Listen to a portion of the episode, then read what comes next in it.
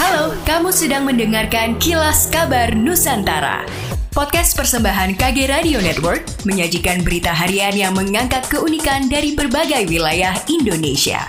Kilas Kabar Nusantara dapat juga didukung oleh pengiklan loh.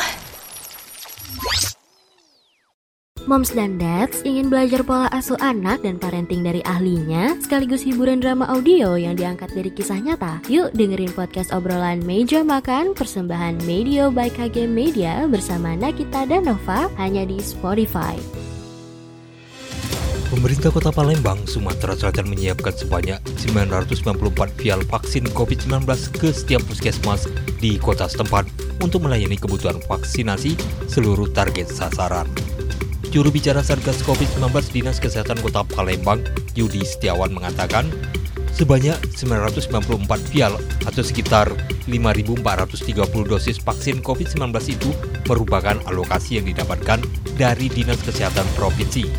Setiap dosis vaksin jenis Pfizer tersebut sudah didistribusikan ke 40 unit puskesmas yang tersebar di 18 kecamatan sekota Palembang per 1 November 2022.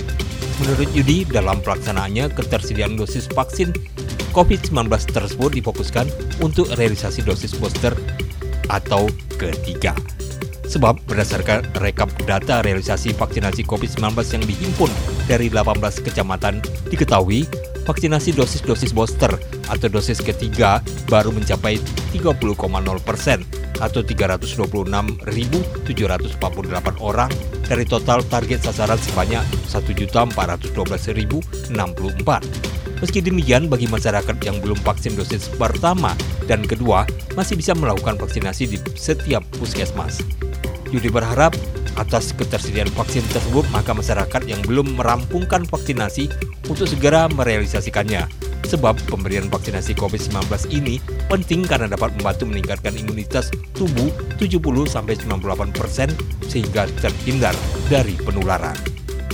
Desa Budok di Kecamatan Wori, Kabupaten Minahasa Utara terus bersolek diri menyambut 2023. Desa wisata yang sukses meraih penghargaan sebagai desa wisata digital dan kreatif dalam Majang Atwi 2022 itu dikatakan oleh Hani Lorensinga di Rut Bumdes Budok yang mengelola Desa Wisata Budok. Salah satu persiapan menuju 2023 adalah memperluas area dermaga yang diproyeksikan selesai pada tahun 2023 mendatang. Selain itu, Hani menambahkan bahwa desa wisata Budo juga akan menambah homestay guna memenuhi kebutuhan wisatawan, serta melakukan berbagai pelatihan untuk semakin mematangkan warga desa dalam menunjang pelayanan terhadap wisatawan.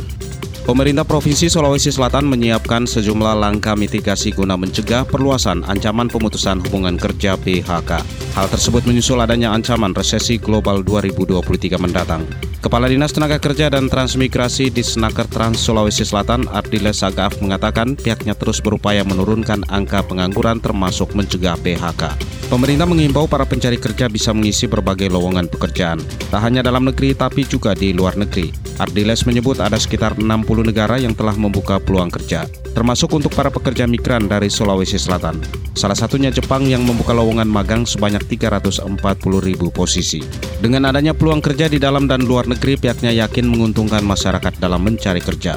Namun di sisi lain, para pencari kerja harus dipastikan memiliki kompetensi yang baik. Ardiles mengaku optimistis resesi ekonomi yang diprediksi terjadi 2023 mendatang tidak akan terlalu berdampak pada sektor tenaga kerja di Sulawesi Selatan. Demikianlah kilas kabar Nusantara pagi ini.